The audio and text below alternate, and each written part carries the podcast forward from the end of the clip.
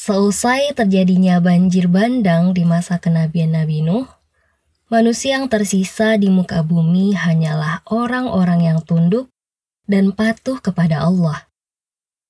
Kesirikan telah sirna, namun sejarah terus berulang. Beribu-ribu tahun berikutnya, peradaban kembali berkembang dan muncullah lagi kesewenang-wenangan dan kemusrikan di muka bumi.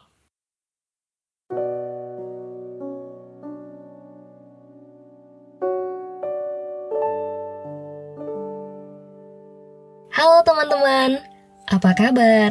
Semoga selalu dalam keadaan sehat dan berbahagia ya.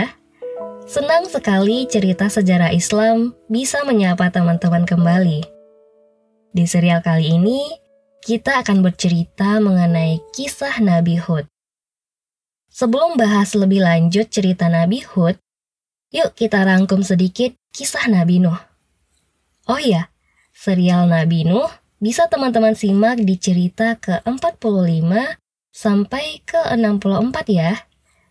Di kisah Nabi Nuh, kita sudah tahu kalau pada akhirnya Allah mendatangkan banjir bandang yang menenggelamkan seluruh daratan.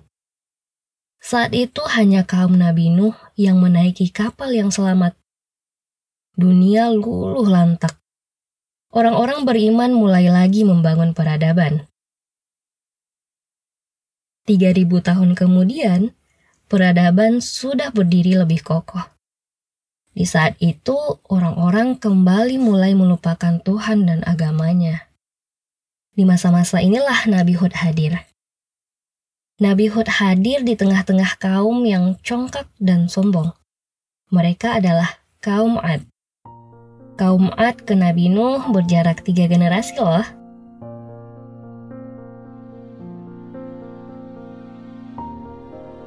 Balik lagi ke cerita kaum Ad ya. Kaum Ad ini adalah kaum yang mendapat banyak keistimewaan. Allah Subhanahu wa taala menganugerahkan mereka tubuh yang besar dan fisik yang kuat. Hal ini disampaikan Allah dalam Quran surat Al-A'raf ayat ke-69. Pada ayat tersebut Allah berfirman, "Dan ingatlah oleh kamu sekalian di waktu Allah menjadikan kamu sebagai pengganti-pengganti yang berkuasa, sesudah lenyapnya kaum Nuh. Dan Tuhan telah melebihkan kekuatan tubuh dan perawakanmu daripada kaum Nuh itu. Karena kekuatannya itu, kaum Ad menjadi kabilah yang berkuasa di bagian selatan Jazirah Arab. Mereka membangun rumah-rumah yang kokoh dan mendirikan benteng-benteng sehingga berdiri peradaban material yang tidak pernah ada sebelumnya. Bisa dibilang, kaum Ad mempunyai peradaban termaju di kala itu. Allah menerangkan kota mereka dalam firman-Nya pada Quran Surat Al-Fajr ayat ke-6 8. Dalam ayat tersebut, Allah berfirman, Tidakkah engkau Muhammad memperhatikan bagaimana Tuhanmu berbuat terhadap kaum Ad, yaitu penduduk Iram, ibu kota kaum Ad yang mempunyai bangunan-bangunan yang tinggi, yang belum pernah dibangun suatu kota seperti itu di negeri-negeri lain. Saking kerennya peradaban kaum Ad ini, para sejarawan sampai menjelaskan panjang lebar tentang kota ini dengan segala isinya yang menakjubkan. Mereka memiliki istana-istana megah, tinggi dan menjulang, yang dipenuhi dengan permata-permata, dikelilingi tembok-tembok yang tinggi dan indah. Dari sini, kita sudah bisa membayangkan ya teman-teman, kehebatan dari kaum Ad ini. Selain memiliki fisik yang kuat, mereka juga dilimpahi dengan kekayaan.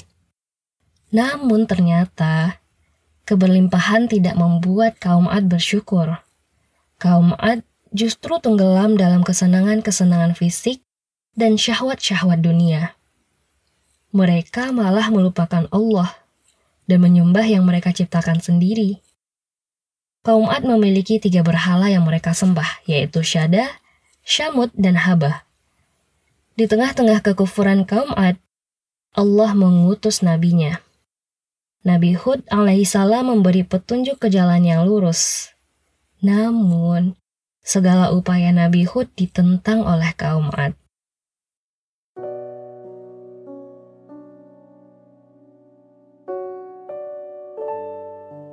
Kaum Ad seolah lupa dengan kisah-kisah para pendahulu mereka.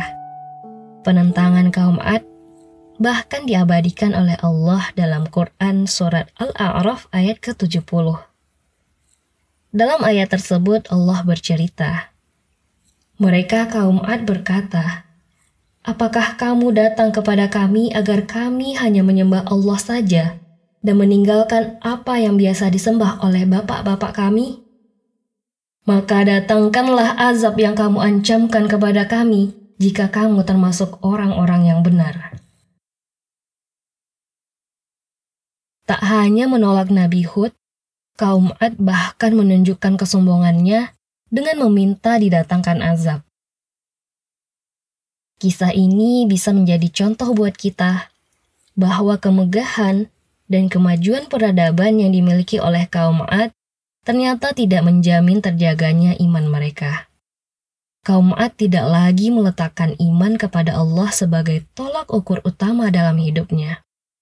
Justru, kekayaan dan kekuatan mereka malah mendatangkan kesombongan. Dengan segala kecukupan yang mereka punya, mereka malah berpaling dari Allah dan menyembah Tuhan-Tuhan buatan mereka sendiri. Na'udzubillahi min zalik. Semoga kita terhindar dari kesombongan setelah diberikan nikmat oleh Allah ya teman-teman. Cerita tentang kaum Ad kita cukupkan sampai di sini dulu ya. Di episode selanjutnya kita akan membahas tentang perjuangan Nabi Hud dalam mendakwahi kaum Ad serta penolakan-penolakan mereka. Sampai jumpa di cerita sejarah Islam berikutnya. Cukup sekian dan wassalamualaikum warahmatullahi wabarakatuh.